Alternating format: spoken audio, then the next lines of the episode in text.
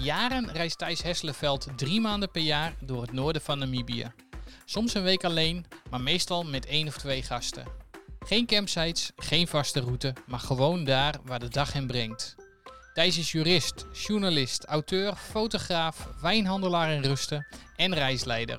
Maar vandaag is hij onze gast om te vertellen over de bijzondere manier waarop hij ieder jaar door Namibië reist. Welkom bij aflevering 23 van de reispodcast Explore. Voor ik uh, naar jou ga, Elise, um, eerst uh, een heel warm welkom uh, voor, voor Thijs in deze podcast. Hoi. toen wij twee jaar geleden begonnen met, met deze podcast, toen had ik een lijstje gemaakt met mensen die mij erg interessant leken om eens een keer een aflevering mee op te nemen. Mm -hmm. dat, daar stond jij, geloof ik, ongeveer als eerste of tweede op. dus ik ben blij dat we vandaag eens tijd hiervoor nemen. Wat kept je zo lang? Ja, ja, nou ik ja, heb dat tegengehouden. Ik dacht, ja, Elise, Elise zei, het moet, eerst, het moet eerst eens serieus worden voordat wij... Nee, ik dacht, ik dacht weet je, laten we daar nou niet gelijk mee beginnen. We moeten eerst een beetje, een beetje credits opbouwen. En dan kunnen we wel een beetje... Kan tijd wel een keertje langskomen. Ja, nou, nee, dat dus kan ik heel goed volgen. Ja. Hey, wij beginnen deze uh, aflevering, uh, de aflevering altijd met drie stellingen. Uh, mm -hmm. In die drie stellingen mag je met eens of oneens beantwoorden. En later komen we daar dan ook op terug. Ja. Of uiteraard als je direct na die drie stellingen zegt van ik wil hier iets over zeggen, mag dat ook. Uh, de eerste stelling. Um, ik, heb, uh, ik heb wel eens voor mijn leven gevreesd toen er s'nachts een leeuw op mijn kamp bezocht. Ja, absoluut. Stelling 2. Uh, een, een, reis met Thijs in Namibië is geen safari. Ja, klopt. Is geen safari, hè? Even voor de ja, precies. En de, stelling, de derde stelling. Ik, ik ben de enige Nederlander die de allermooiste plekjes van het noorden van Namibië kent. Nou, dat kan ik niet met zekerheid zeggen. Oké. Okay. Nee. Nu al ergens op terugkomen? Of? Nou, dat laatste is wel interessant om straks even op terug te komen.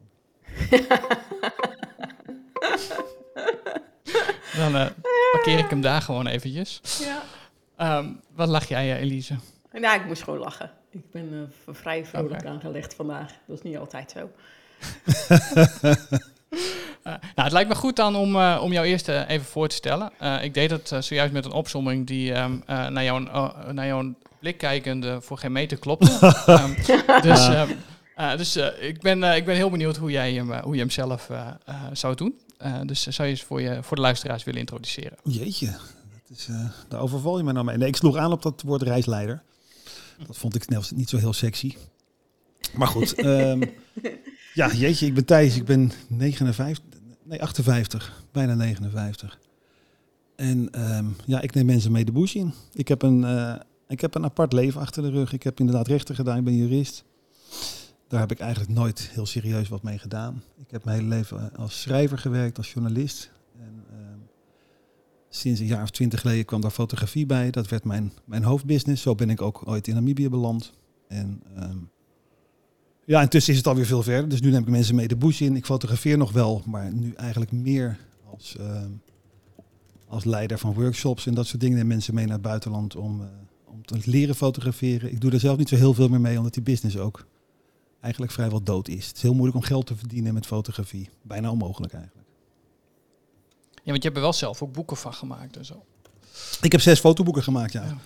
Waaronder eentje over, over Namibië, maar dat is 2014. Ik heb het vanmorgen nog even nagekeken. Dus dat is ook alweer bijna tien jaar geleden. Ja, jouw boek uh, over Namibië, die komt regelmatig bij ons in de aflevering uh, terug. MT bedoel je toch? Ja. Ja, ja, ja die oh, komt, uh, komt regelmatig eens eventjes even langs. Het is echt een weergeloos goed boek. nou, Elise is, vooral, Elise is vooral heel erg trots op het recept wat erin staat. Ja, het recept. Inderdaad. Jij, jij reist, uh, je reist, drie, uh, je reist drie, drie maanden per jaar, eigenlijk altijd in het voorjaar. Mm -hmm. in de afgelopen jaren. Kun je eens een, een beeld geven hoe dat begonnen is? Um, ja, ik ben in 2012 um, voor een tijdschrift op pad gestuurd naar Namibië. En dat was een persreis, dus een reis met een aantal journalisten samen. Gewoon een georganiseerd ding. Het was vooral in het zuiden van het land. En wat ik vaak deed in die tijd, als ik voor een tijdschrift op pad was, was ook als ik toch ergens heen ging, nog een week eraan plakken voor eigen kosten. Dus dan veranderde ik het ticket, maakte het wat langer en uh, bleef wat langer in het land. Dat heb ik toen ook gedaan. En ik had op de vakantie. Toen heb ik jou, ont, toen heb ik op jou eerder al ontmoet in Namibië, toch? Ja. Nou ja, toen, nee, toen we die auto kwamen, kwamen oppikken. Ik Ja? had op de vakantiebeurs ooit, ik weet niet meer precies wanneer dat was, had ik iemand ontmoet die ontzettend stoere auto's had. Dat kan ik me nog heel goed herinneren. En dat, daar hoorde niet eens per se in mijn geheugen het, het land Namibië bij. Maar vooral die auto's, want ik deed dit, dit, deze manier van reizen al in Australië. Dus ik was wel druk met die voorbeeldrives en zo. In retrospect blijkt dat waarschijnlijk Marco geweest te zijn die ik gesproken heb op de beurs. En dat waren de auto's van Asco. Dus ik heb destijds, toen ik naar Namibië Ja, ging, gelijk bedacht, hé, hey, dan, dan kan ik wat met die auto's. Dus ik heb die club benaderd, dat was Asco. En ehm, na die persreis, dat weet ik nog heel goed, zijn we toen bij jou aangekomen in, in Windhoek en hebben we die auto opgepikt. Dat was de allereerste keer dat ik Ja. met een auto van Asco een week op pad was. 2000. Waarschijnlijk heb je dan op de vakantiebeurs inderdaad eh, met ons gesproken. Dachten wij waarschijnlijk, oh, heb je weer zo'n quibus die gratis Ja. wil reizen. Dat, klopt, dat klopte. Dank je voor je kaartje. Ja, nee, ja, oké, doei. Ja, maar dat is Ja. natuurlijk wel heel erg leuk als iemand dan echt in windhoek voor je neus staat. En, En eh, levert. op pad gaat. Want zo deed ik het Ja, natuurlijk altijd. Als ik zoiets regelde, dan zorgde ik er ook voor dat degene die mij hielp eh, goede publicaties eh, eh, terugkreeg. Dat doe ik nog steeds trouwens. Dat is Ja, wel, dat is wel grappig, want jij zegt, ik, ik viel eigenlijk op die, op die Ja. brute auto's. Ja. Ehm, eh, voor ons geldt exact hetzelfde. Wij waren echt, nou ja, dat was in 2017, maar Ja. ook op vakantiebeurzen. We liepen eroverheen. Ja. En het was niet... Het was Volgens niet mij is het gewoon het Marco was hoor. niet- Jullie zijn gewoon gevallen Het voor Marco. Nee, het was dat, het was, er hing, er hing zo'n televisiescherm met, zo, met die auto's Ja. erop. En dat, dat projecteerde. En dat was gewoon heel krachtig. schijnbaar. Ja, dat Eh, denk ik ook. Want ja. ik, ik, wat ik zeg, ik deed dit al in Australië. Daar ben ik begonnen met in mijn eentje in de bush eh, rijden. Dat was met Land Cruisers. Maar dat waren toch altijd een beetje... eh, ik vond het toen nog heel stoer hoor, want ik had nog niks anders gereden. Maar het waren toch een beetje suffe auto's, weet je wel. Het was opklappen, dak en zo en eh, een uitschuifkeukentje. Dat vond ik zelf toch allemaal, zeker als ik er later op terugkijk, vond ik het een beetje eh, eh, lullig en niet zo heel erg avontuurlijk. En uiteindelijk de auto's van, van Asco die ik ben gaan rijden, ja, die waren voor mij veel interessanter, omdat ze veel, veel ruiger zijn. En eigenlijk ook gewoon wat, wat normaler, niet al te veel opsmuk en eh, gekke dingen eraan, toeters en bellen. nee, helemaal niet eigenlijk. Ja. Nee. Tent op Nou het ja, dak. Weet je, gaan. tent op het dak en je krijgt de keukenbox mee. En er zit een koelkast in. En eh, ja, weet je, er zijn ook ver, eh, auto's met eh, allemaal van die opzetstukken. Dan ben je, ben je een uur bezig. Want dan heb je zo'n luifel die uitdraait. En dan heb je, kan je een douchetent eraan hangen. En weet je, dus Wc'tje. ja, die wc'tje kan je ook nog neerzetten. dus eh Thijs is van eh, less is more, denk ik. Ja, dat, dat Ja. is ook wel aardig om straks misschien nog wat meer over te vertellen. Ja, daar gaan we ook Hoe ik zeker dat doe en waarom. Ja. Ehm, maar eh, je, je zegt, die- reis die was, waar je specifiek voor naartoe ging, die was naar het zuiden van het land. Mhm. Ehm, eh, waar ontstond dan de liefde voor het noorden? Eigenlijk gelijk in die week dat ik met die auto op pad was. Want toen heb ik een stukje noorden. Ja, wat routes bedacht, eh, Elise. Ik kan me herinneren dat we de Oegap door zijn gegaan. Rhino Camp, daar omhoog. Volgens mij hadden we nog niet eens een TomTom. Want ik, had nog een, ik kreeg nog een papiertje mee daar van eh, linksaf en rechtsaf. Wat natuurlijk bij nader inzien echt, echt, als ik er nu op terugkijk en af en toe daar rondrijd, denk ik, het is best wel tricky geweest. Volgens om alleen mij had met ik zo'n dat zelf papiertje- uitgetekend. Dat was echt eh, heel nauwkeurig hoor. Dan kon je prima. Ja, nou, als ik er nu, als ik er nu rondrijd en ik ken de weg daar, als ik nu daar rondrijd en ik ken de weg daar goed, dan denk ik echt, als ik hier, ik zou hier nooit iemand met een papiertje linksaf rechtsaf insturen. Dat vind ik echt wel, eh, Ja, ik weet, wel ingewikkeld. We hebben ook wel een beetje verkeerd gereden, maar uiteindelijk onze weg wel gevonden. En misschien was het natuurlijk nog anders. Hè? Nu is het wel erg heet daar en eh, weinig dieren meer en zo. En toen was het denk ik nog wel iets, iets vriendelijker, dat gebied. ik weet dat wij op een gegeven moment een keer ook, ik weet eigenlijk niet eens precies waar eh, in het noorden, maar toen kwamen wij bij een, bij een soort campsite uit. Ehm, eh, daar stond een, eh, nou, daar stond ook een, een, een man met een paal. Ja. En, ehm, eh, en die zei eh, van, eh, waar, waar willen jullie heen? Dus we hadden gezegd van, nou, we willen nog een stuk noordelijker. Oké. Eh, ja, had die, die kwam dus met een tekening. Die had dus zelf Ja. een soort gekopieerde tekening. En dat was ook zo. Ja, bij de, bij de derde boom moet je naar rechtsaf. Mhm. En eh, bij de vierde boom linksaf. Ja. En dan kom je op een gegeven moment langs een heuvel. En nou ja, we zijn gaan rijden. Eh, na Dat twin- werkt niet. Na, na 20 minuten waren we natuurlijk compleet die, Ja. die derde boom. Heb jij die gezien? Nee, ik niet. Dus toen zijn we maar gaan zwerven. En uiteindelijk, wat jij zegt, van, eh, eigenlijk wel wonderlijk, het komt ook wel weer goed of zo. Maar eh, ja, wij hebben echt een, ik denk echt een, een, een halve dag eh, Mhm.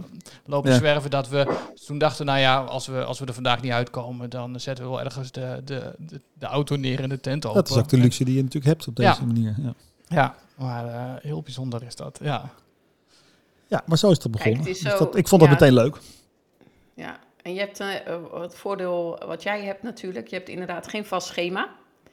Mhm. Ehm, Eh, ja, de normale reiziger heeft natuurlijk best een strak schema. En Ja, moet ergens die zijn, Moet, s'avonds. moet, moet s'avonds ergens zijn. En dat is natuurlijk het, eh, echt het hele fijne van, van, van jouw manier van reizen. Is dat je gewoon, je laat je leiden door wat je onderweg meemaakt. Wat je ziet, hoe je jezelf voelt. En ja, Mhm. dat, dat maakt dus ook dat je ja, hele andere dingen meemaakt onderweg. Ja, en ik vind dat zelf een hele logische manier van doen. Ik word er zelf. Ik heb die persreizen die ik veel gedaan heb, waren helemaal volgepropt altijd natuurlijk. Dat was echt vaak om, om half zes je bed uit. En dan s'avonds tot tien uur door of zo. Ehm, ja, ik vind dat helemaal geen fijne manier om, ehm, om iets te ontdekken, om een land te ontdekken of een gebied te ontdekken of een stuk natuur. Dus ik, ik word al moe. Ik zie het nu ook veel in, in Facebookgroepen en zo die ik volg. Mensen met schema's aankomen. God, ik ga naar Namibië en Botswana en we hebben ongeveer dit bedacht. Nou jongen, dan, dan breekt het zweet maar uit als ik zo'n lijstje zie met wat ze in 14 dagen allemaal eh, voorzien hebben. En het resultaat is volgens mij toch heel vaak dat mensen eindeloos in de auto zitten en, eh, en heel weinig van, eh, van het land meekrijgen. En momenten meemaken als er natuurlijk een soort van oponthoud komt omdat er even wat leuks gebeurt. Hè? Omdat je de leeuwen tegenkomt of, of oh, weet niet, gewoon iets moois. En dat kost een uur of anderhalf uur. Dan begint het schema natuurlijk eh, eh, klem te zitten. En dat eindigt dus met, met gejakker en gejaag voordat het donker wordt. Ja, ik moet er allemaal niet aan denken. Ik ben heel blij dat we dat allemaal niet, eh, niet hoeven te doen. En wat jij, wat jij eh, slaapt in principe ehm, eh, daar waar een beetje de dag jou brengt, volgens mij. Eh, Ja, altijd. eh, hè, dus Ja. dat betekent ook geen, niet op campsites. In de drie maanden dat ik er rondrijd per jaar slaap ik misschien tegenwoordig één of twee nachten op een campsite. Vroeger echt helemaal niet. Gewoon principieel niet. En nu is het af en toe zo, bijvoorbeeld als we in Opuwo terugkomen of zo. En ik ben met iemand die een beetje moe is en die het wel even gezien heeft. En die wil graag even echt een goede douche en een mooi eh, diner. Dan, eh, dan gaan we even op een campsite staan. Maar echt heel sporadisch. Ja. Ik, ik, ik wil het ook gewoon niet. Ik vind, ik vind, ik vind het niet leuk. En, eh, ja, het brengt mij niks. Nou ja, En kijk, eigenlijk mijn de- ook niet. de- behalve een warme douche.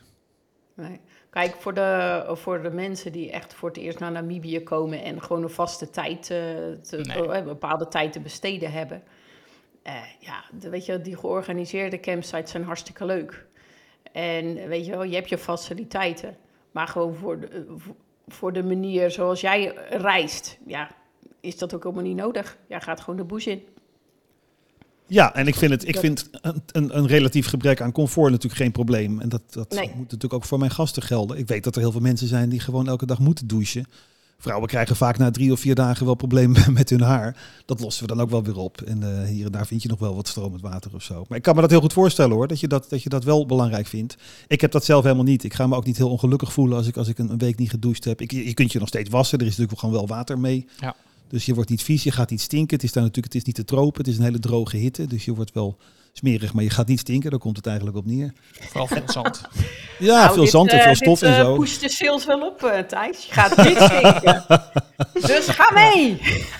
Maar, maar hoe, hoe bereid jij je reis voor? Want heb, jij, heb jij bepaalde routes die je bijvoorbeeld waarvan je zegt die wil ik in ieder geval ieder jaar rijden? Heb jij eh, op bepaalde plekken daar wil je sowieso heen? Of, of ehm, is dat echt van eh, ik begin 's ochtends en ehm, Ja, nee, dat is echt helemaal niet vastgelegd. Het enige wat is vastgelegd is dat ik mijn gasten oppik in Walvisbaai of in Ondangwa in het noorden, tegen de grens met Angola.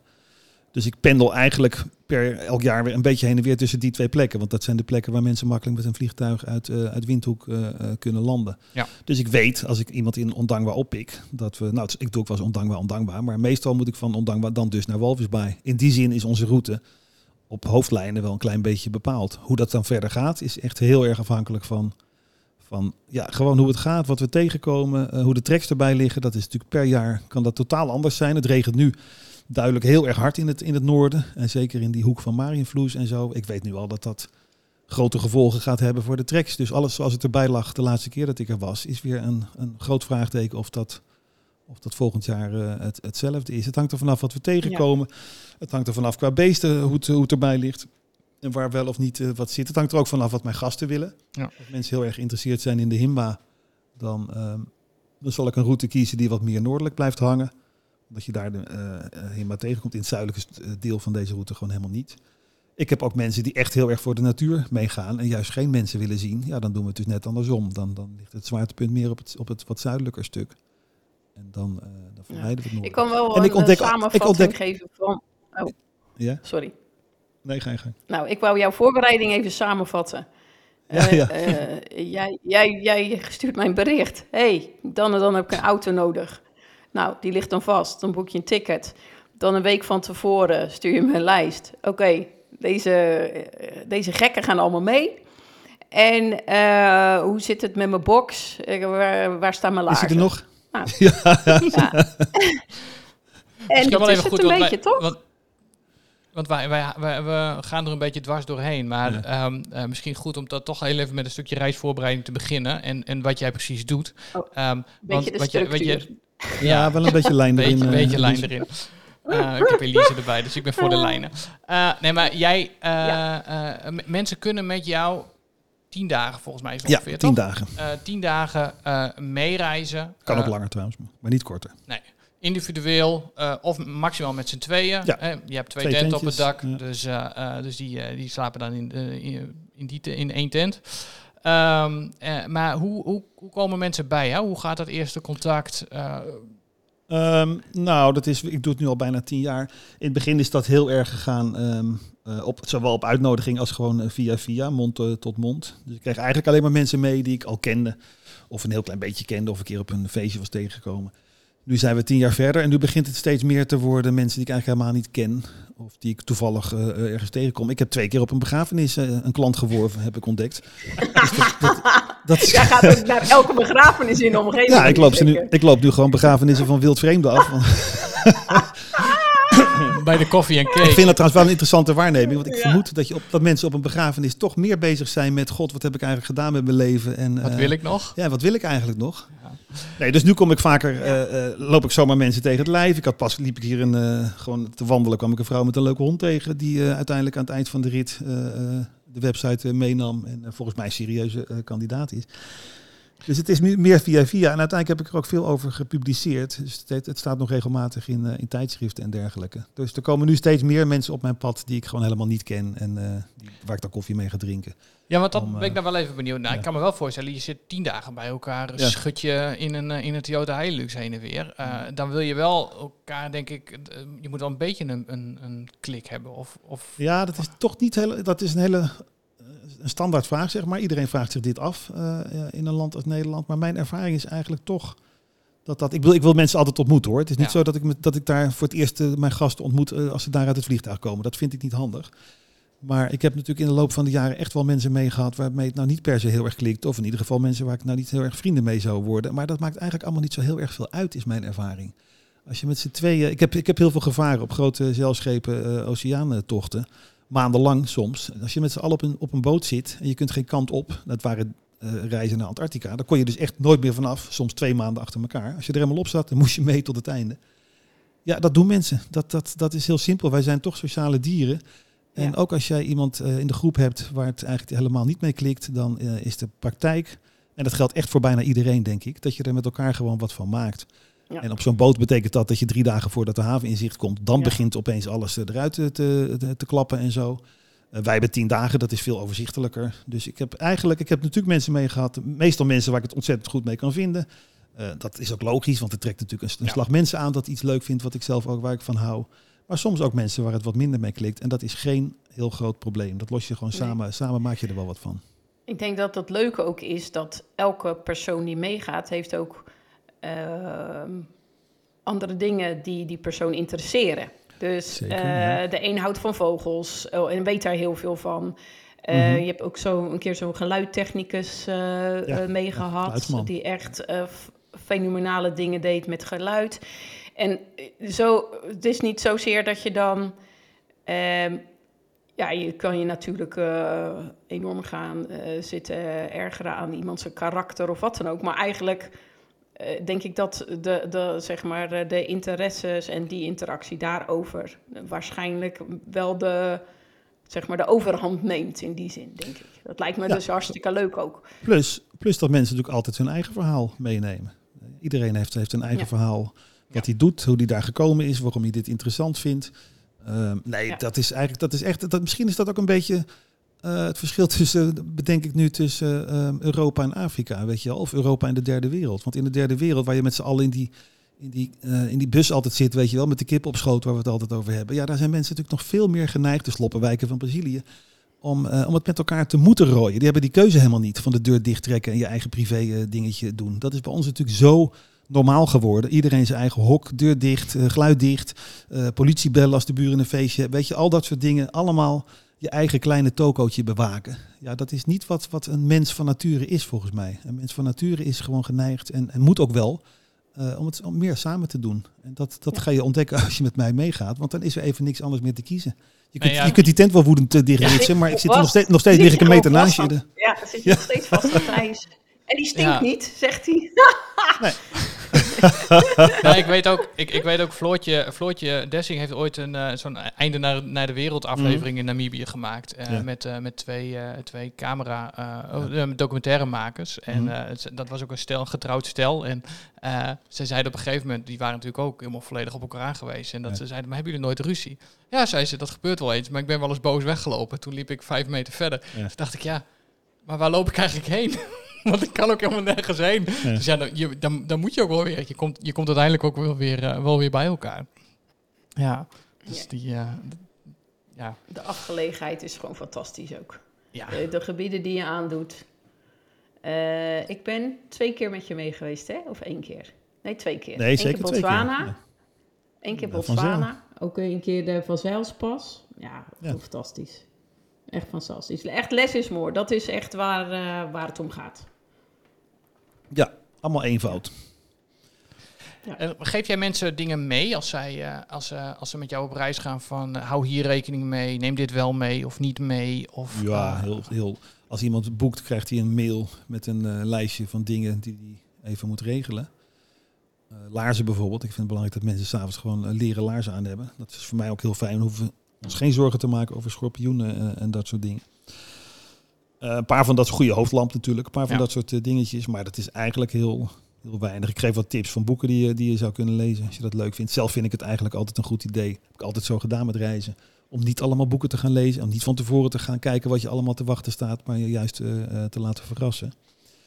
Maar ja, dat is het eigenlijk wel. ja, Nee, niet heel veel.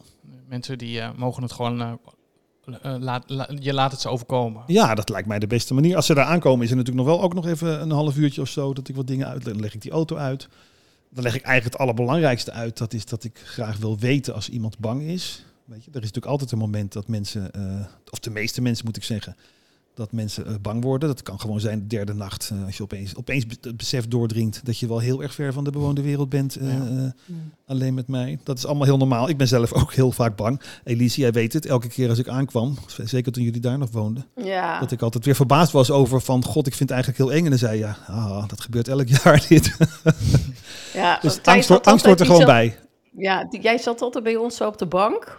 Ja, En dan had je bijvoorbeeld, stilletjes. weet ik veel, jouw eerste gast kwam dan aan eh, een weekje later of zo. Nee, Ja. dan zou die, eh, morgen ging die weg. Ja, morgen, oh ja, ja, ja, ja. ja. boodschappen. Heel die auto ingepakt, volgeladen. Nee hoor, Thijs, die vond, nee, toch maar nog niet weg. Weet je wel, eh, dat avondje je, Joe's. ja, toch nog maar een keer avondje eten en gezellig kletsen. En dat is natuurlijk ook zo, want het is wel zo... Je hebt ook eh, verschillende keren echt best een tijd ook alleen eh, rondgereisd. Mhm. Het is natuurlijk ook Doe ik nog steeds. eh, je komt jezelf ook wel tegen, weet je wel. Het is ook soms natuurlijk hartstikke alleen. Dus dat comfort van iets wat je kent en hey, het, het is echt altijd eventjes opstarten. ja, dat is heel logisch. van het comfort voor, voor, het, Ja. voor dit ongewisse. Dat Ja. is, nou, zo kwamen we er ook op. Dat vind ik, ik weet dat mijn gasten dat gaan meemaken, maar ik maak dat zelf Ja. dus ook elk jaar mee. En ik doe daar ook niet geheimzinnig over. Ik vind het heel Nee. belangrijk. Dat is gewoon onderdeel van dit verhaal. Dat is ook juist Nee. eh, het aantrekkelijke van dit verhaal, denk ik. Ja, maar jij hebt dan dat, je- dat zeg maar nog... daar... Ja, jij hebt nog het voordeel dat jij, jij, jij gaat echt voorbereiden. Dus jij gaat echt boodschappen doen en je, je Mhm. zorgt helemaal dat die auto tip-top eh, eh, georganiseerd is. Je gaat kartonnen, ge, kartonnen dozen bietsen bij de supermarkt, zulke dingen. Ja, precies. De. Ehm, ehm, die voorbereiding heb jij, maar dat hebben jouw gasten, die- gaan helemaal cold turkey natuurlijk. Mhm. En die stappen in de auto en die verwachten... Ja. eh, Thijs heeft dat Ja. geregeld. Dat is ook zo. Ja, nee, maar ik denk, in de bosjes. ja, ja, precies. Jij bedoelt meer, ze zijn cold turkey qua, eh, qua gevoel. Ja, ja, voor, qua hun- omschakeling. Ja. Weet je, dat Ja. is je land en je gaat. Ik bedoel, zo Ja. simpel is het. En dat is ook wel heel, klopt. ja, ik, ja, gewoon leuk. Het is tof. Gewoon Ja, doen. het is super tof.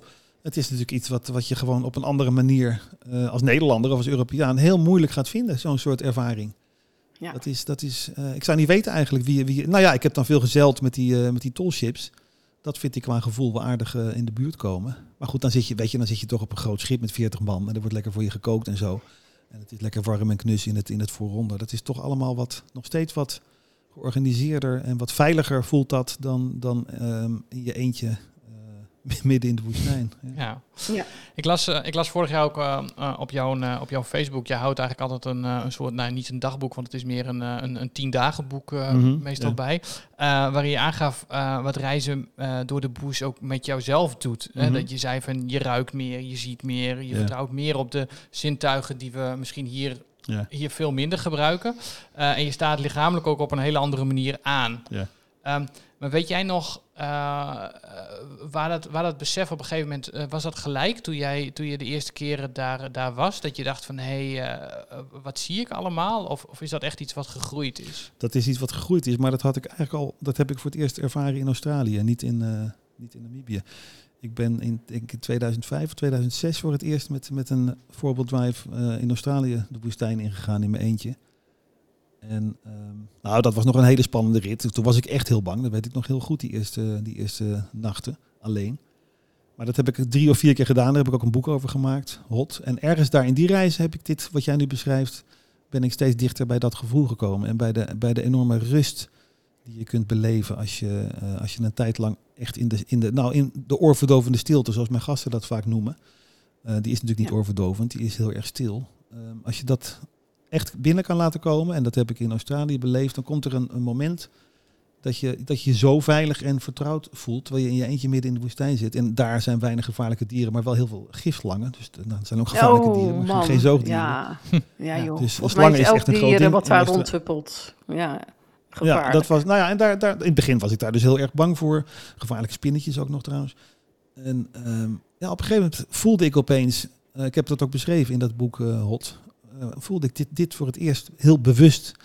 Van jeetje, ik voel me hier eigenlijk super veilig. En als ik, als ik nu gebeten zou worden door een slang, dan is dat eigenlijk ook helemaal geen ramp. Dan ga ik dus hier dood. Dan ga ik niet proberen, ik had niet eens een satelliettelefoon bij, maar dan ga ik ook helemaal niet proberen om het nog te redden of te gaan wegscheuren in die auto, weet je wel. Dat wordt allemaal niks, dan is het gewoon klaar. En ehm, ja, dat, als je dat op een gegeven moment kan, eh, kan accepteren, dan, dan heb je de echte rust gevonden die, ehm, die er eigenlijk bij hoort, eh, denk ik. Dan ben ik nog steeds super op mijn kievieven, weet je wel. Dat heeft niks met veiligheid of, of roekeloosheid te maken. Maar het is wel een soort accepteren van, eh, van wat het is. Maar ik denk Ja. ook dat het je bewuster maakt. Eh, als, ik, als ik bijvoorbeeld ook zie naar wat jij, eh, eh, eh, wat, voor, wat voor plekken je zo af en toe ook eh, wel eens vastlegt als het gaat over sporen die je ziet. Of eh, je Mhm. kan, je, je wordt ook veel bewuster van, het, tenminste dat merk ik bij mezelf ook wel. Je wordt veel bewuster van als je ergens langs loopt of ergens 's ochtends om je heen kijkt, dan zie je ineens, hé, hey, wacht eens even, daar is vannacht dat dier langs geweest. Of, Ja. of heb ik vannacht hier bezoek van gehad. Of ehm, eh, hey, ik, zie, eh, ik zie uitwerpselen van een neushoorn. hey, dat, is, dat is heel vers. Dus dat betekent dat die ergens in de buurt is. Dat soort, dat soort bewust, bewustwordingen zie je ook veel meer. eh, Ja, maar dat zit allemaal in hetzelfde pakket. Ja. Dat klopt helemaal hoor, wat je zegt. Dat herken ik ook heel erg. Ik weet vrij zeker dat ik in het begin in Afrika gewoon echt serieus door, door sporen van olifanten gereden heb zonder ze te zien. Dat kan Ja. ik me nu helemaal niet meer voorstellen. ik ook. natuurlijk een beetje van het licht af. Hè. Als, je, als, je, als je de zon mee hebt, is het best moeilijk om de sporen te zien. Maar ook dat leer ik dus. Dus nu denk ik zelfs met routes hou ik er rekening mee dat we morgenochtend eh, richting zon rijden, zodat we de sporen goed eh, eh, kunnen zien. Ja, dat, dit hoort er allemaal bij. En intussen weet ik inderdaad, weet ik heel veel, zie ik heel veel. Voor mijn gast is het vaak heel... voor- Ik roep trouwens ook heel enthousiast neushoorn. eh, en dan is het dus gewoon een spoor, vers. Oh ja. maar, maar, maar zij zitten dan meteen te turen naar die neushoorn. Waar is die neushoorn? Dus die hele Ja, beleving verandert is- ook. Weet je, voor mij maakt het Ja. niet meer zoveel uit op een gegeven moment of, die er, of ik hem echt te zien krijg of niet. Ik weet dat hij er is, want dat kan Nee. ik zien aan die verse uitwerpselen of aan, aan die sporen. Ja, dat klopt. Je wordt, je wordt veel meer één met de natuur. Er zijn inmiddels zoveel dingen die ik, die ik ruik, snap, voel, eh, zie. En ehm, dat kun je ook niet in een cursusje leren volgens mij. Dat is echt een, een, een, kwestie van gewoon heel vaak daar zijn. En voelen en, openstaan.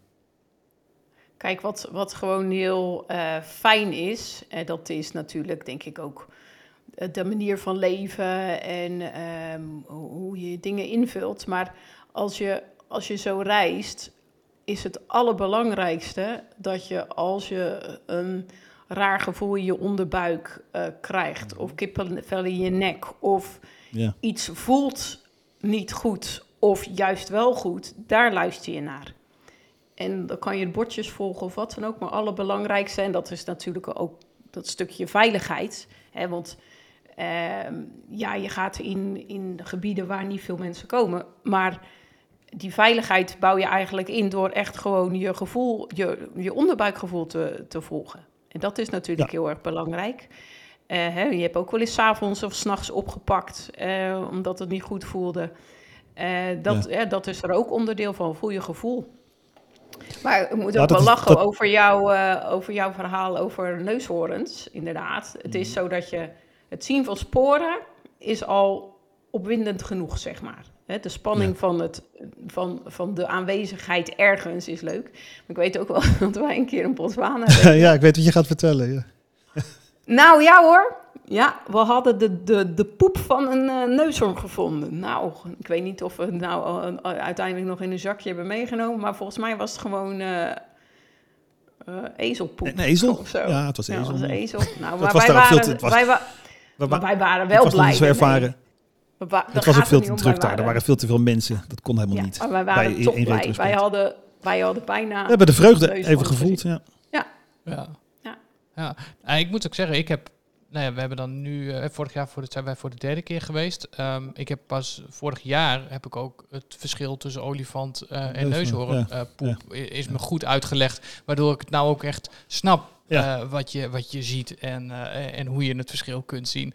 Dus er zit natuurlijk ook wel echt een, nou ja, Ontwikkeling, een ja, lijn. een leercurve in. Tuurlijk. ik ben hier altijd heel verbaasd dat mensen. eh, ik ben een vogelaar van, van huis uit. Dat hadden we vroeger thuis al. Dat mensen een pimpelmees en een koolmees niet uit elkaar kunnen houden. Ah, ja. voor een vogelaar niet te begrijpen.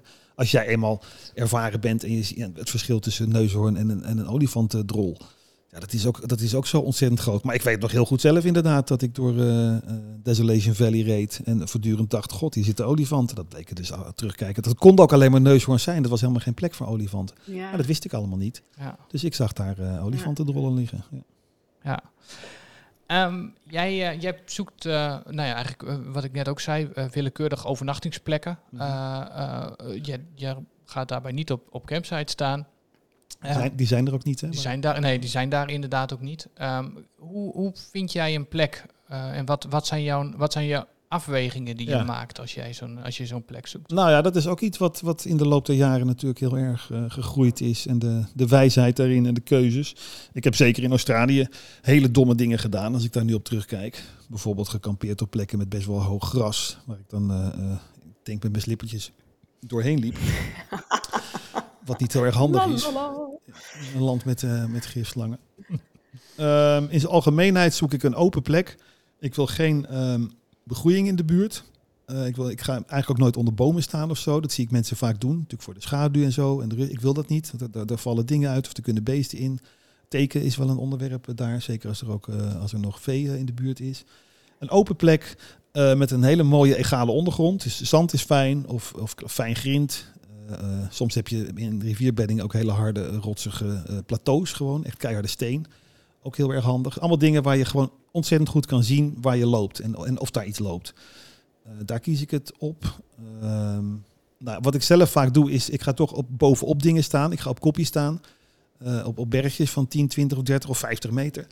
Dat, eh, dat geeft je natuurlijk fantastische, spectaculaire eh, vergezichten. Zowel Ja. met zonsondergang als eh, zonsopgang. Ik, daar hou ik van. Maar de prijs die je daarvoor betaalt is dat je vaak in de hele harde wind zit. En dat is ongelooflijk oncomfortabel. S'nachts kan dat ook echt een oorverdovend kabaal zijn. Ehm, ja, dat is een moeilijke afweging. Ik zie dat weinig mensen dat doen. Ik ken een paar fantastische plekken. Als je op mijn site kijkt, de, de mooiste foto's die je ziet op mijn site zijn op dat soort plekken gemaakt. Ja. Die zijn natuurlijk niet in een dalletje gemaakt. Die zijn ergens op een berg bovenop met uitzicht gemaakt. Maar ik zie dat de meeste mensen daar toch niet voor kiezen. En dan toch de beschutting tegen die wind eh, op gaan zoeken. Ja, dat is een keuze, die snap ik wel. Maar de prijs die je daarvoor betaalt is natuurlijk dat je gewoon ergens beneden in, eh, ja, een beetje in het lawaai zit, zeg maar. Terwijl je daarboven, eh, ik bedoel het lawaai qua beeld, daarboven, die vrijheid en die ruimte vind ik heel erg fijn. Vinden mijn gasten natuurlijk ook altijd fantastisch mooi. En, en soms heb je ook nog de mazzel dat het opeens windstil wordt. Dat kan ook heel, heel makkelijk gebeuren Ja, dit zijn volgens mij wel de belangrijkste dingen. Ik ga dus niet bij bomen. Als ik dan toch ehm, ehm, in, in een rivierbedding ga staan, wat ik eigenlijk probeer te vermijden, omdat daar natuurlijk, dat vergeet ik nog te vertellen trouwens, ik ga eigenlijk bijna nooit in een rivierbedding, omdat daar, ehm, als er beesten zijn, de kans heel groot is dat je ze in de bedding gaat tegenkomen. En zeker s'nachts, olifanten en zo komen, komen daar voorbij. Ja, dat wil ik toch liever allemaal niet. Maar soms gaat het niet anders en dan, dan, dan kom je er toch terecht. Dan zorg ik er wel voor dat ik met mijn rug naar een, eh, eh, een veilige plek sta. Dus het liefst gewoon een rotswand of zo. Uh, zodat je kampje een beetje tegen een, tegen een muur aan, uh, aangebouwd wordt. Dan heb je een soort rugdekking, zeg maar. En dat maakt het meteen ook voor dieren veel minder uh, aantrekkelijk om, um, om bij jou in de buurt te komen. Want daarmee snij je natuurlijk een heel groot deel van hun vluchtweg af. Als je midden in een open vlakte staat, zeker met, een, of nog met een paar bomen eromheen, dan geef je beesten eigenlijk alle kans om jou zeg maar te besluipen. Niet dat ze dat nou zo heel erg doen, maar het is wel in zijn algemeenheid hoe dieren werken. Dus door tegen een wand aan te gaan staan, uh, creëer je wat meer uh, uh, veiligheid, omdat er minder ruimte is voor, voor, voor wild. En deze, en deze kennis, heb je die, want ik, ik ben eigenlijk op zoek naar het verhaal, heb je die opgedaan voor of nadat je s'nachts bezoek hebt gehad van een neushoorn? um, nou, ja, wanneer was dat ook alweer, die neushoorn? Dat was met Emiel. Ja, je was Dat met Emiel dat geleden, bij eh, richting... ehm, Ja, ik weet waar het was. Kampeerterrein de Drie. Tieten noem ik het altijd. ja, ja, ja, ja. Ja. Eh, omdat er drie mooie eh, puntige bergjes eh, eh, staan. Eh, dat was voor en na, na, dat, eh, na dat moment. Wil je graag het verhaal van de ja, neushoorn zeker. horen? zeker. Ja, please. Eh, ik was met eh, Emiel, Elise kent hem ook, eh, eh, op pad. Het was een mooie trip, een heleboel gezien. Bijzondere dingen. Eigenlijk elke dag echt iets heel bijzonders. Ook hele bijzondere dieren die ik, die ik nog nooit eerder en nooit later ben tegengekomen. Eh, een horned viper, zo'n klein addertje met, eh, met, met, die, met die puntjes op zijn kop. Prachtig beest. Ehm, wij lagen te slapen ergens op een plek waar ik vaker ben geweest. Waar ik ooit ook een keer eh, een leeuw bij het ontbijt heb, te gast heb gekregen. Terwijl het verder een hele open plek is. Heel goed zicht rondom. Eigenlijk alles wat ik net, net beschrijf. Ehm, ik ben er met jou ook geweest, Elise. Toen ging die kerkuil, heeft ons midden in de nacht... Ja, Met een ijselijke kreet wakker hele- gemaakt. Ja, het is eigenlijk een hele, ja, eigenlijk een plek waar je, waar- waarvan je denkt van, ja, wat doe je hier inderdaad? Maar er gebeurt altijd wat. Het, ja, er gebeurt altijd wat. Het is een veilige plek. Ja? Het is een hele mooie plek. Dat is ook de reden om daar te staan. Er komt eigenlijk nooit iemand langs. Heel afgelegen. Eh, nou ja, goed, wij lagen daar te slapen. Het was volle maan. Er was wel wind. Ehm, als er geen wind is, hoor je natuurlijk... Dat is ook een heel groot verschil. Wind is zo'n belangrijke factor in de woestijn. Als er geen wind is, hoor je natuurlijk alles. Dus Ja. dan, dan kan elk dier... eh, eh, ik heb het dit jaar gehad met olifanten... die, die door een bedding waar ik was... s s'nachts aankwamen lopen. Ik hoorde ze echt op 100 meter afstand al. Je weet hoe stil olifanten kunnen lopen. Maar in een doodstille nacht hoor je echt alles. Daarentegen, als er wind begint eh, te waaien, of maar heel zachtjes te zijn, eigenlijk is het ook meteen klaar. Hoor je helemaal niks meer. Het waaide die nacht. eh, dus ik heb niks aan horen komen. Ik denk dat het een uur of twee, drie was. We lagen gewoon te slapen. En in één keer kregen we zo'n ongelofelijke optater tegen die auto. Die vloog echt gewoon bijna 45 graden schuin. We zaten recht. Ons bed was opeens zo'n eh, zo'n opklapbed geworden. Wat je in, in de ontbijtstand, weet je wel. Wat, eh, dat, je, dat je zo geknikt. de lalletjes stonden rechtop. Eh, ik had alles open aan de voorkant, dus ik kon nog net met mijn hoofd. Ik moest echt naar boven kruipen naar, naar, dat, naar, dat, naar die uitgang. En ehm, ik keek, de, de maan scheen, het woei. Ik keek uit, uit mijn raampje en ik zag in, in nou, was inmiddels 20, 30 meter verder, zag ik een hele grote neushoorn. Eh, met zijn dikke reet, ik zie dat nog zo waggelend, weet je wel. En dan zie, zie ik hem zo opzij eh, wegrennen, alsof hij, als een belletje trekker. Dat was eigenlijk het eerste wat ik erbij, eh, weet je, had hij stout gedaan en nu gauw uit de voeten maken. Ja. Dus dat was ook eigenlijk meteen duidelijk dat het over was. Dat dat verder geen, hij ging ons niet verder aanvallen of zo. Het was gewoon één enorme beuk. Ik denk alleen maar om is. Weet je, we stonden naast het, het pad. Hij liep zelf over het pad. Dat is gewoon zoals de meeste dieren doen, hè, omdat het daar wat zachter is voor hun, voor hun zachte voetjes. Vinden ze het fijn om op onze tracks te lopen, omdat met die auto zit het allemaal een beetje, een beetje voorbereid. Daar was hij echt wel 30 meter van afgegaan, speciaal om naar ons toe te komen. Maar ze hebben heel slecht zicht. En ja, ik denk dat hij gewoon helemaal niet begreep wat er stond. En dat hij dacht, weet je wat, ik geef er eens een beuk tegen, kijken wat er gebeurt. Ik denk dat het zoiets onbe- Ik heb hem niet, we zijn eigenlijk nooit heel erg bang geweest. Het was helemaal niet het idee dat het beest Meer het ons schrikken eh, van het aan het aanvallen was. Ja, het was de schrik van het moment, maar het was ook meteen duidelijk dat het voorbij was. Hij was er eigenlijk net zo hard van geschrokken als wij. Eh, er zat een gat in de auto. Nee, hij had, had de achterbumper gepakt. Echt het, ongeveer het meest zware, massieve deel van die hele auto. Net naast de dieseltank. Daar, eh, daar zat een hele grote deuk in en dat is echt een massief ding. Er was een achterlichtje kapot. Maar 20 centimeter daarnaast was hij gewoon met zijn met horen dwars door de dieseltank eh, heen gegaan. Had het verhaal er heel anders uitgezien. Ah, het is een mooi verhaal. Ik kijk er met veel plezier op terug. Ja, achteraf wel.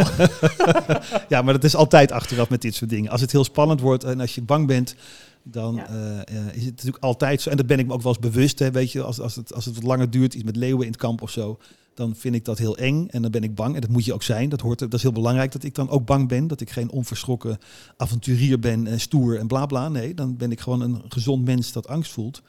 Maar het mooie is dat ik op zulke momenten ook al op het moment zelf ook al voel. Dit is ook fantastisch. En eh, als ik het morgen Ja. nog na kan vertellen, is het een waanzinnig verhaal. Ja. Dus, ik geniet, dus ik geniet er ook al van op het moment dat ik doodbang ben. Dat is een heel interessante mix die Ja. ook wel heel essentieel is, denk ik, voor, voor deze Ja. manier van, van, van reizen. Ja. Nee, ik weet dat Elise, die eh, echt in een van onze eerste podcasts hadden wij het een keer over, eh over Pijperpen Ja. eh, in, eh, in Botswana. En Mhm. ehm, dat eh, jullie hebben daar met z'n tweeën eh, op, het, op het kamp gestaan. En toen kwam er een leeuw, een leeuw op, op, op bezoek bij jullie op het Ja. kamp. En eh, Elise die had eh, de, de gedachte dat ze, dat ze ook, eh, als ik, als ik nu onzin praat, dan eh, corrigeer me maar Elise. Maar ehm, eh, de gedachte van, oh, dit, dit, dit wordt hem niet. Eh, maar de allerergste gedachte die ze in de podcast al verklaarde Nee. was eh, dat ze dacht, ja, aan Thijs daar zit ook niet zo heel veel. Dus als die leeuw als eerste Thijs pakt, dan heeft hij daarna nog steeds honger. Ah, dat is dan wel een tijdje geleden. Nou ja, kijk, het is zo. Wij, hoor, wij, wij hoorden dat beest al brullen.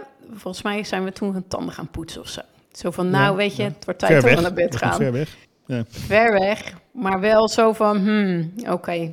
En ik denk dat hij misschien rond een uur of twaalf of één naast de tent Ja, stond, denk ik. het. ja. Ja. Ik kan het nog achterhalen, En want ik heb dan- het geluid opgenomen. Hè? Jij hebt geluid opgenomen. Nou ja, ik poepte alleen maar in mijn broek. En dan zit je dus echt te denken, oké... eh, je gaat dus dan op zo'n moment...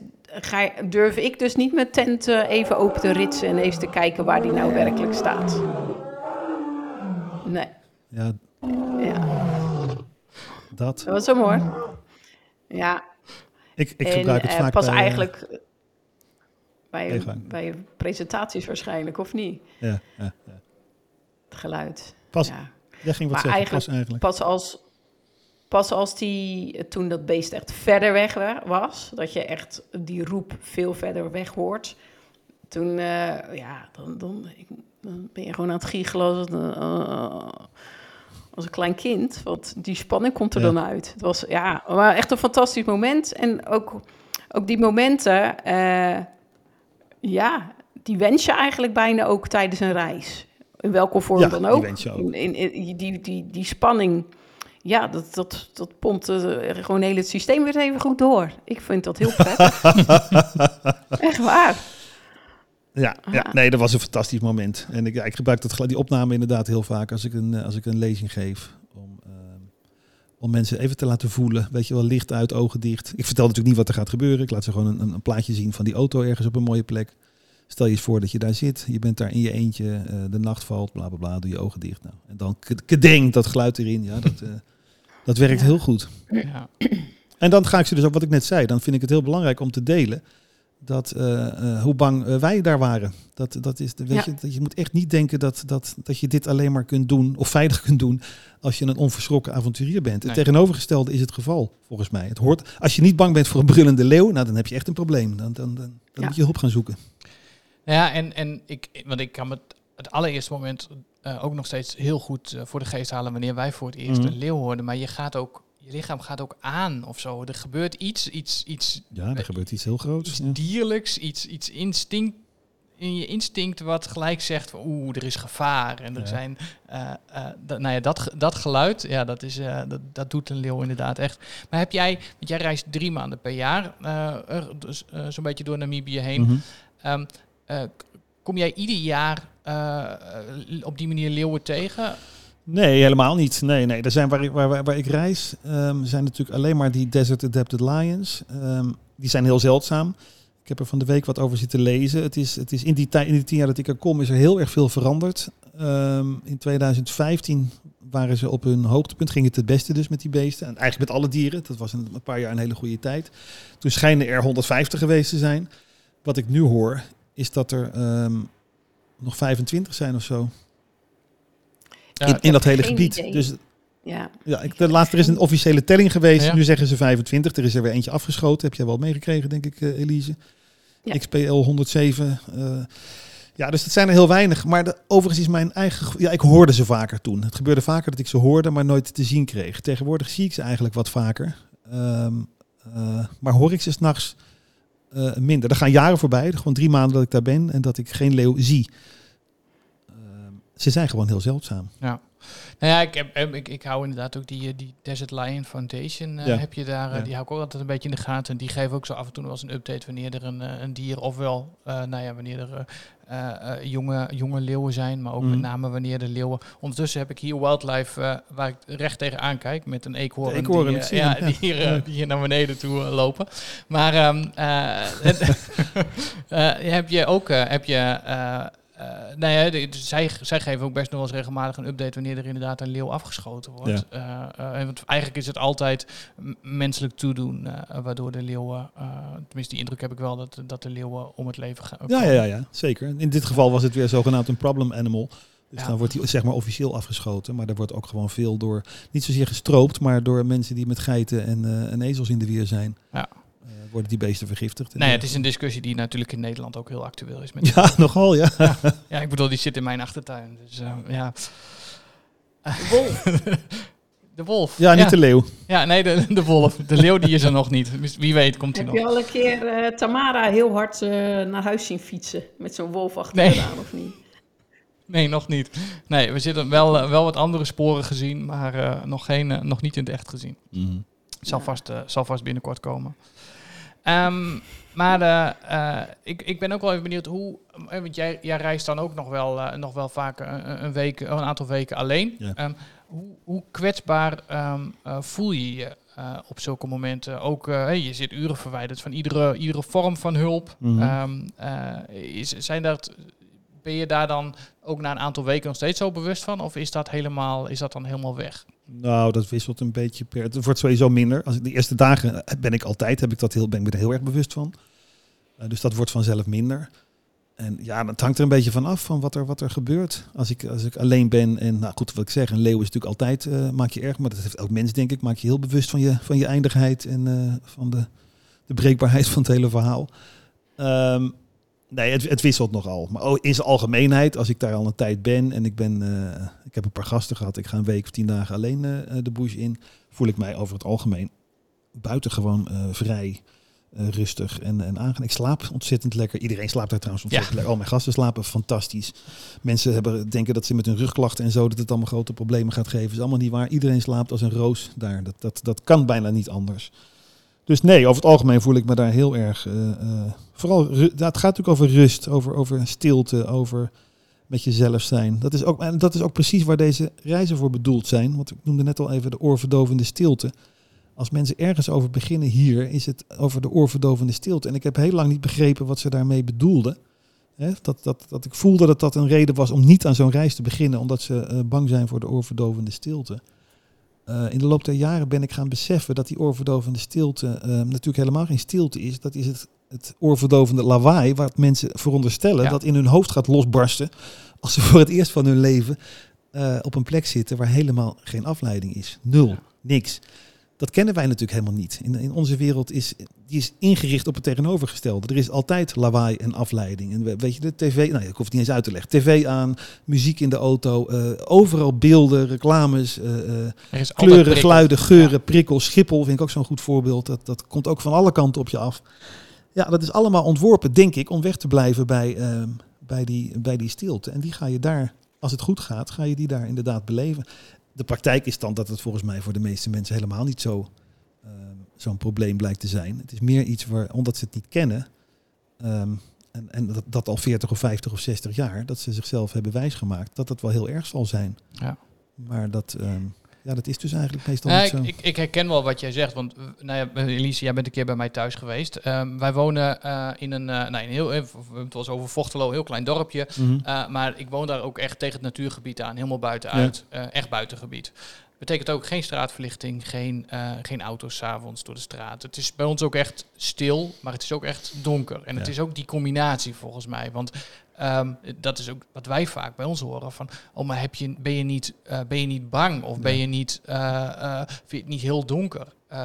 nee, want het, ja... ja. Het, nou, ik vind het wel heel donker, zo. want het is het, ja. Ja, het is, het is wel heel donker. Ja, en, maar toch ook niet. ja. Nee, in die vraag zit natuurlijk inderdaad het hele verhaal alweer besloten. Ja. ja. De andere kant krijg je wel iedere keer, ik denk dat dat fantastisch is, met, je hebt natuurlijk iedere keer mensen die er vaak voor, waarschijnlijk voor het eerst komen, uh, uh, die, Meestal wel, ja. die wel uh, al die dingen opnieuw bele- voor het eerst beleven. Dus die sterrenhemel. Sterrenhemel, zien, ja, ja, uh, het, vuurtje. ik ben daar wel heel benieuwd naar. Daar mag je wel eens wat over vertellen. Over de manier waarop jij kookt. Waar, waarop je eten bereidt. Want jij bent er wel. je doet dat, heeft, heeft daar een hele eigen manier voor. Ja, ik wil nog even iets zeggen over dat, over dat zwart wat jij net Ja. noemt. Die, die, zwart, die donkere nacht. Want dat is wel een heel groot, interessant fenomeen als je op deze manier gaat reizen. En ik denk dat mensen die ook wat georganiseerder op campsites eh, staan, dat misschien ook wel zou kunnen beleven in iets mildere vorm. Dat is het vallen van de nacht. Is, is, als je daar bent, is zoiets totaal anders dan hier. Ja. Weet je, hier, ehm, eh, hier, ja, hier gaat de dag eigenlijk naadloos over in de nacht. En, en we hebben dat niet zo heel erg. De lichten gaan aan. Ehm, Ja. Dat heb je eigenlijk niet zo heel erg meer in de gaten. Als je in de bush bent, ehm, dan wordt het vallen van de nacht een enorm event. Dan, dan, want wat er gebeurt, en zo ervaar ik het eigenlijk elke nacht opnieuw, is dat eh, de regels totaal veranderen. Overdag dan kun je allemaal, kun je, ben je veilig, kun je zien wat er om je heen gebeurt. Dan voelt het allemaal heel vertrouwd, eigenlijk niet zo heel erg anders eh, als hier thuis. Maar als je bij het kampvuur zit met je gin tonic en ehm, de zon is weg en je krijgt die schemer en de nacht begint te vallen, dan voel je, en dat, dat kan, je, kan geen mens ontgaan eigenlijk als je daar bent, denk ik, dan voel je dat de, regel, dat de spelregels totaal veranderen. Dat er nu iets, iets begint wat, wat je helemaal niet kunt controleren. Ja. Die, die Ja. vlakte waar je net in keek, 10 kilometer ver, wordt een, wordt een zwart, eh, ehm, Gat, eh, zwart gat, gat. waarvan je geen idee, er kan, er kan een beest drie meter van je Ja. afstaan bij wijze van spreken. Je weet het niet, Ja. want je kunt het niet zien. Nee. Ehm, mensen hebben in het begin ook vaak wel de neiging om dan met die hoofdlamp veel om zich heen te kijken en zo over, over niks is. Ja, dat, daar hou je op een gegeven moment ook wel mee op. Het is, maar het is een heel interessant en ook een heel groot en, en eh, indrukwekkend eh, eh, moment als je gaat voelen wat, wat, wat een verschil de, de nacht werkelijk in de natuur betekent. Ook voor Ja. de dieren natuurlijk. Hè. Dat ga je op een gegeven moment dan ook allemaal snappen. Ja. Overdag ook allemaal aan het rondspringen en veilig Ja. en leuk. Maar s'nachts is het een heel, heel ander verhaal. Dat zie je ook aan hoe de dieren plekken kiezen voor de nacht. hoe, ze, hoe ze zich zo goed mogelijk daarop voorbereiden. Ik vind dat altijd een fantastisch fenomeen. Ja. Kijk, als Ja. je een leeuw op de vlakte ziet, 500 meter bij je vandaan, in het gewone daglicht, dan kan je gewoon naar kijken. Dan, weet je wel, dan kan je naar handelen. Je kan in je auto gaan zitten of in je tent kruipen of wat dan ook. Ehm, dat is een heel ander gevoel dan wanneer diezelfde leeuw op datzelfde plekje staat en het is pikken donker, je ziet hem niet en hij gaat brullen. Dat is, Ja. dat is, Ja, goed dat is dezelfde locatie, dezelfde Ja. Ehm, maar je bent helemaal nergens. Je bent nergens. en dat, dat, is, ja, dat is het fantastische. Dat is het fantastische van licht en donker. Eh, jij bent eh, eh, tijdens de dag de koning van alles. En oh, we zijn zo fantastisch en slim en we kunnen alles aan. En doe het licht maar uit. En we denken, oh god, Oh, zo tegen elkaar Ja. aan. Ja. Ja, klopt. Koken, vroeg jij. ja, koken was ik nog even benieuwd naar. Ja, ik, eh, ik heb de eerste jaren gewoon altijd het gedaan zoals iedereen het doet. Dus met zo'n gasflesje mee en eh, zo'n dingetje erop draaien. In Australië had ik uitschuifkeukentjes in die, eh, in die Land Cruisers. Dat werkte allemaal fantastisch. Maar op de een of andere manier ben ik... Nou, ik, had van de, ik ben bij de Cowboys in Australië voor dat boek een week geweest. Die waren vee bijeen aan het drijven. Echt heel afgelegen in de, in de bush, waar die koeien gewoon in het wild rondlopen. Moeten één keer per jaar bij elkaar gedreven worden. Daar heb ik aan meegedaan. En daar zag ik dat deze jongens altijd een vuur hebben. Dag en nacht gaat dat gewoon door, een groot vuur. En daar stond ook altijd een groot blik, gewoon een oud conserveblik op, vol met water te borrelen, kokende. Zodat je altijd koffie of thee, gewoon een waterkoker zeg maar, dan kon je altijd koffie of thee eh, mee maken. Dat ding dat noemden ze Billy. En eh, dat heb ik meegenomen uit eh, Australië, die gewoonte. Dus ik, ben mijn water altijd gaan koken, eh, gewoon op het vuur met, eh, met zo'n oud conserveblikje. Het liefst eentje van eh, eh, melkpoeder, van de baby melkpoeder. Weet je nog, Elise? Ja. Dat wilde ik altijd bij, bij Ja, jullie. ja, eh, ik was echt een goede supplier voor jouw baby, voor jouw ja, Dat waren de beste, want Dat, we zijn net eh, ietsje dikker dan is- dan een gewoon...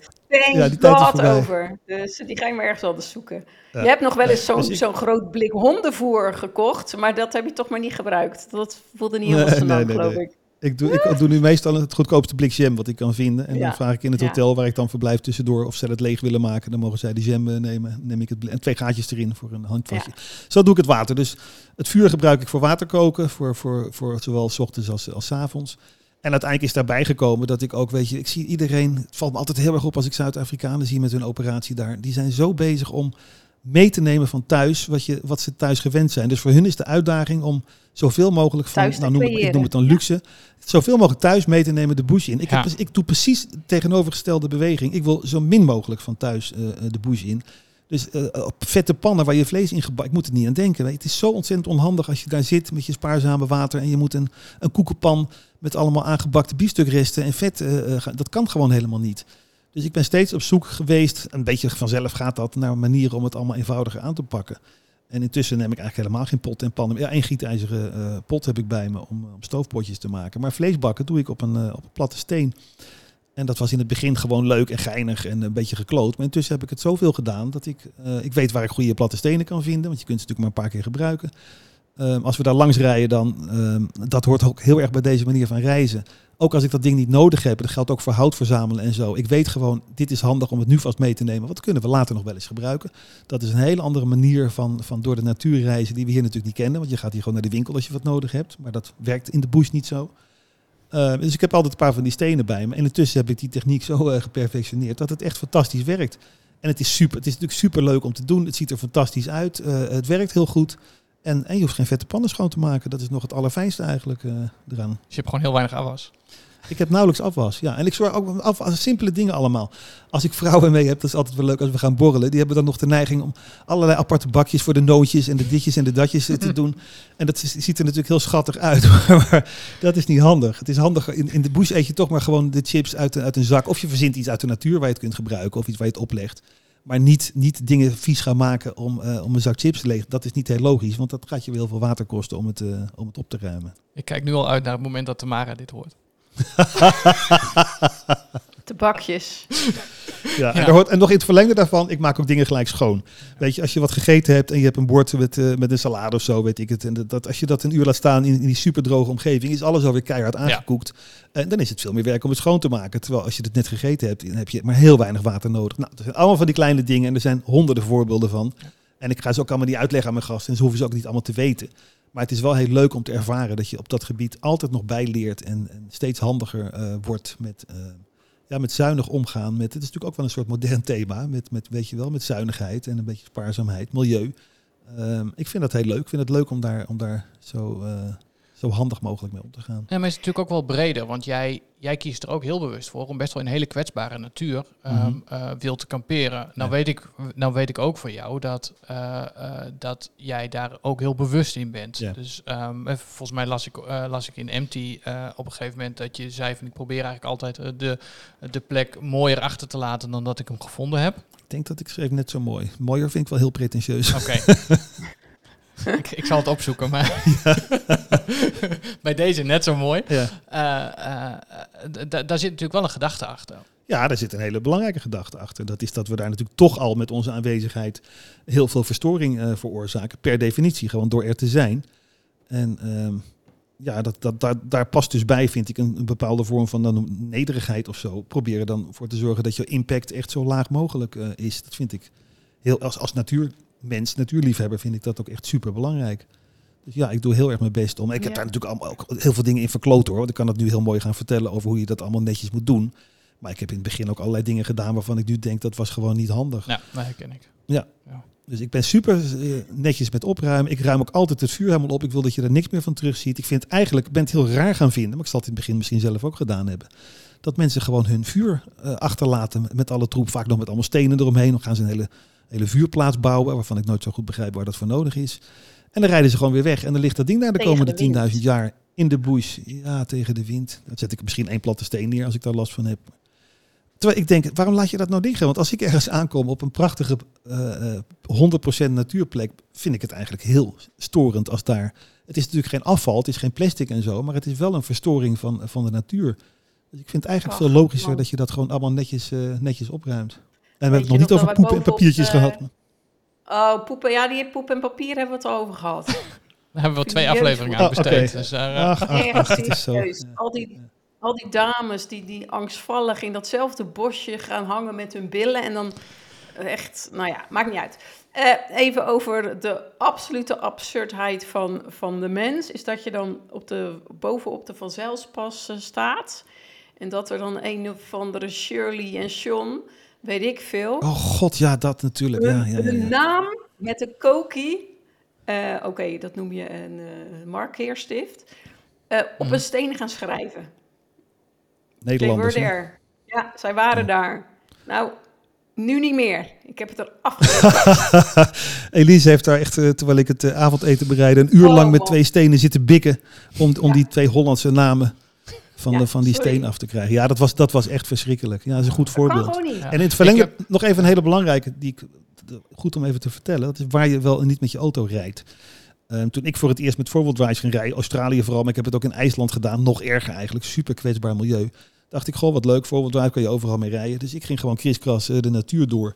Ja, daar heb ik nu zo'n spijt van. Ik ben vrij snel in Afrika gaan zien, ook als je gewoon in national parks eh, rijdt daar, dan zie je natuurlijk hoe het georganiseerd is. Dat is het laatste wat je moet doen. Natuurlijk moet je dat niet doen. Want je, je, je, je, je beschadigt echt gewoon permanent het landschap. Ja. En je, je, je vermoordt ook nog van alles onderweg natuurlijk. Want onder de grond eh, leeft, eh, leeft echt heel erg veel. Dus de enige, ik rijd nu altijd gewoon netjes op de trek. Misschien wel eens 10 meter ervan af voor een overnachtingsplaats of zo. En verder de plek waar je wel gewoon eh, kan rijden en wat meer met je voorbeeldwijf kan doen, is, is de rivierbedding. Dat is natuurlijk heel Ja. belangrijk om te weten. En ik denk veel mensen die daar voor het eerst komen, hebben daar geen idee van. En dat snap ik dus ook. Ik heb het zelf ook meegemaakt. Maar de rivierbedding is een ander verhaal. Want in de rivierbedding wonen geen dieren onder de grond. Omdat ze weten dat het er elk moment eh, weer eh, dat er water kan gaan stromen. Dus, en die, die bedding ziet er elk jaar, als het geregend heeft en de rivier gestroomd heeft, wordt die weer helemaal opgeschoond, bij wijze van spreken. Dus daar, daar, daar maak je niet Ja. zo heel erg veel kapot. Je had daar een schitterend filmpje van afgelopen jaar waarin je vastgelopen was eh, op, de, op die, in, in het zand. Dat versnelde filmpje. ja, dat versnelde Ja. filmpje. Ja, dat was in embedding. ja. Waar dus nog water eh, onder eh, zat ergens. Ja, maar dan heb je dus inderdaad, eh, dan heb je een prachtig, het liet wel heel mooi zien hoe, hoe zo'n rivierbedding inderdaad zit. en, Mhm. en dat je, nee, je kan daar inderdaad heel goed, heel goed doorheen. Ik heb ooit gelezen dat als jij door de natuur heen rijdt, waar bijvoorbeeld hè, nog, nog van dat hele kwetsbare gras en zo Ja. staat, dat als het al een goed jaar is en het, en het heeft geregend, dat, het, dat dat maar één centimeter, voor mij maar één centimeter opschuift qua groei eh, op jaarbasis. Eh, dus als jij dus een trekker rijdt, nou ja, Ja. een nieuw, nieuw spoor maakt Ja. van wat, hoe breed zal een band zijn? Eh 50 centimeter? Nee, dat gaat hij niet halen. 30. Nou, 30 centimeter. Dat betekent het dus al, om dat, om dat weer dicht te rijden, Ja. eh, of dat, dat weer dicht te laten groeien, dat het dus 30 jaar, nou ja, laat het twee kanten opgroeien, dan kost het alsnog vijf, Ja, ja. 15 jaar Ja. voordat, voordat dat spoor verdwenen is. Eh, zo lang eh, op het moment dat je de natuur beschadigt. Ja, en dat is natuurlijk een soort visuele beschadiging hè, ook. Het zijn natuurlijk twee heel verschillende dingen. Dat je, dat je de natuur beschadigt en dat je het- de aanblik van de natuur eh, beschadigt. Maar je gaat het pas zelf zien als je... Zeker, ik ben natuurlijk ook fotograaf. Weet je, een, landschap, een prachtig eh, natuurlijk landschap met een autospoor er doorheen... is natuurlijk geen prachtig natuurlijk landschap meer. Zo simpel is het. Ja. Het is echt, dus ook visueel is er eigenlijk heel erg veel schade meteen. Ja. Even kijken naar de tijd. Ehm, Ja. eh, oh, jij mag nog wel... eh Thijs gaat even water pakken. Oké. Oh, hé, hey, Elise doet ook mee. Ja, Hey Elise. hey, mooi. Ach ja, ja, weet je, die avonturen zijn gewoon fantastisch. Vooral omdat je Ja. helemaal in het niets bent. En dat betekent niet dat het een hele, dat het continu ook een hele psychologische sessie is en dat je moet praten en dat je dat eh, Freud voorbij komt en dergelijke. Kan, maar dat hoeft niet. Ik bedoel, je mag ook lekker niks zeggen en een beetje lekker mijmeren. Inderdaad, Doe niet, eh, doe niet te veel. eh, inderdaad, neem niet drie boeken mee, want je leest altijd zoveel op vakantie. Eh, dit, is, ja, dit is gewoon iets heel anders. Je hoeft helemaal niks. Dat is fijn. Nee. En Thijs doet de afwas. Thijs kookt. Die maakt je bed op. Nou, heerlijk. Ik zeg, doen. Hey, ik, heb nog, ik heb nog even één vraag ter, ter afsluiting. Ehm, heb jij zelf ook nog wensen als zijn de plekken waar je ooit nog een keer graag naartoe zou willen als het gaat om Zuidelijk Afrika? Of misschien specifieke gasten waarvan je zegt, oh, dat lijkt me nou echt nog, nog leuk om, eh, om daar eens mee tien dagen de bush in te reizen. Eh, ja, ik ben heel erg op Namibië georiënteerd. Ik ben natuurlijk ook wel veel aan in de landen daaromheen geweest. Maar ik ben nog nooit in Angola geweest. Dat lonkt al een hele tijd eigenlijk. Ik heb wel aan de rivier gestaan, helemaal boven in Hartman eh, Valley. Ja. En in met uitzicht op, op de overkant. Dat is een grote rivier, daar ga je met de krokodillen, daar ga je niet zo even overheen. Maar daar, daar zag ik Angola liggen. Ja. En daar zag ik ook dat er niemand was, dat er helemaal geen lichtjes waren, niks. Ziet er super interessant uit. Eh, Zimbabwe ben ik nog nooit geweest, dat wil ik ook heel graag een keer eh, gaan ontdekken. dat zijn wel de grootste. In Namibië zelf, denk ik. Nee, dat heb ik wel. Zeker toen ik dit ging doen, heb ik echt heel, heel veel door het hele land gereden. Dus ik heb het Noord, Oost, Zuidwest, ik heb ze allemaal uitgebreid eh, bekeken. En ik weet heel goed waarom ik op de plek wil zijn waar ik nu altijd weer, weer uitkom. Dat is gewoon voor wat ik doe, by far eh, de beste plek. Maar word jij dan nog wel eens verrast dat je zegt van goh. Um, ik word elke dag verrast. Ja, maar ja. ook, ook, ook door plekken waar, waar je dan nog misschien komt of waar je nog nooit geweest bent of waar je misschien iets te snel voorbij bent gegaan. Dat ja, je ineens... ook. Maar, maar belangrijker, elke plek is, is altijd totaal anders. Dat, dat is, dat, elk jaar is daar totaal anders. De seizoenen zijn natuurlijk um, wispelturig. Het is daar niet zo dat het regent van december tot, tot half februari en dat er dan de plantjes komen en dan weer dit. Het is elke keer echt totaal anders wat ik tegenkom. Als de rivieren hard gestroomd hebben, wat ze de laatste jaar of drie geleden, moet er een hele heftige regentijd geweest zijn. Alles was anders. De Hoaniep heb ik nooit meer, die herken ik eigenlijk grote delen niet meer terug. Die is ook totaal veranderd. De grote stukken van kilometers met prachtige grote bomen waar we altijd lekker smiddags even tussendoor een kopje thee onder de bomen. Al die bomen zijn weg. Die liggen nu allemaal, die drijven nu bij Brazilië of zo. Het hele zootje is zo de oceaan in, ingeflikkerd. Ja, dat gebeurt daar. Dus het is, het is altijd allemaal anders. Maar los daarvan um, is ook de natuur heeft altijd verrassingen voor mij. Als je één ding leert, als je zoveel um, uh, echt in de, in de wilde natuur bent, is het dat je niks. Wij hier zijn, leven in een gecertificeerde wereld. Wij, wij willen dingen voorspellen, processen, uh, gedrag, uh, bla bla. Op een gegeven moment kun je denken, ik weet precies hoe een leeuw zich gedraagt. Die doet nooit dit, die doet altijd dat. Olifanten komen altijd daar, maar niet daar. Er komt altijd een moment dat het een keer precies andersom gaat. Uh, dat is soms voelt dat een beetje onveilig, maar het is ook heel belangrijk om dat te beseffen.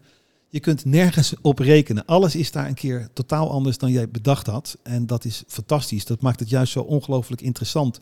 En zo kun je elke keer weer, en dat gebeurt me echt elke dag als ik daar ben, nieuwe dingen leren. Ook van dieren waarvan je denkt dat je al lang weet hoe het allemaal werkt. Alles, de natuur, de beesten, de planten, ze hebben ja. altijd grote verrassingen voor je ja. in petto. En daarnaast niet de mens natuurlijk te vergeten die daar woont. Want uh, vorige keer uh, was je ook te gast op een uh, begrafenis. Of weet je... Bij de Himba. Uh, bij de Himba. Het is één groot, uh, ja, één groot feest eigenlijk van de heren. Eén groot feest. Ja. Ik uh, ga hem afsluiten. Dankjewel uh, Thijs. Um, we hebben een, uh, ik, nog een, even tenminste, dat weet Elise niet. Maar oh. ik wel. Ik heb een kleinigheidje meegenomen. Um, het, het, is een fles wijn. Het is altijd een gevaar om een fles wijn mee te nemen naar iemand die uh, best wel veel, van, uh, uh, veel met wijnen heeft. het is van een biologische boerderij uit, uit Italië. Leuk. Wij, wij, vinden hem zelf heel erg leuk en lekker. Dus ik hoop dat je ervan geniet. Dankjewel. Um, heel erg bedankt voor, voor je verhalen. Um, gedaan. Voor mensen die nou enthousiast zijn, is mijn advies: kijk eens op de website van, van Thijs. ThijsHesseleveld.com is het volgens mij. ThijsHesseleveld.com. Ja, .com. Er staat ook, uh, ook meer informatie uh, over, uh, over de reis die, die Thijs gaat, gaat maken. Um, nou, dank jullie wel voor het luisteren naar onze 23e aflevering van de reispodcast Explore. nou ja, met als, als speciale gast Thijs. Vind je dit nou een leuke podcast? Stuur hem dan ook door naar je vrienden, familie en collega's. En abonneren kan via Spotify, Google en Apple Podcast, zodat je een berichtje krijgt bij een nieuwe aflevering. Uh, je kunt de podcast ook beoordelen met sterren en dat doe je bij Apple Podcast en Spotify. Hebben we nou iets cruciaals vergeten of wil je gewoon een keer meepraten? Dit kan uh, op Instagram en Facebook via explorepodcast.nl. Wil je nou zelf reizen naar Namibië en Botswana? Neem dan eens ook eens een kijkje op explorenamibia.nl of volg ze op Facebook en Instagram en dat doe je via exploretravel-nl tegenwoordig. Uh, Elise is ook uh, in het wild te zien en uh, dat doe je op de vakantiebeurs op, vanaf 11 januari. Dus als deze Juist. aflevering eruit komt, Ja, heb je nog twee dagen om, om naar de vakantiebeurs Kom toe te naar gaan. de geciviliseerde bush van de vakantiebeurs. Precies. Eh, deze podcast verschijnt maandelijks. eh, en eh, in februari dan gaan wij weer een, een normale aflevering met ons tweeën opnemen. Eindelijk. Nogmaals bedankt voor het luisteren.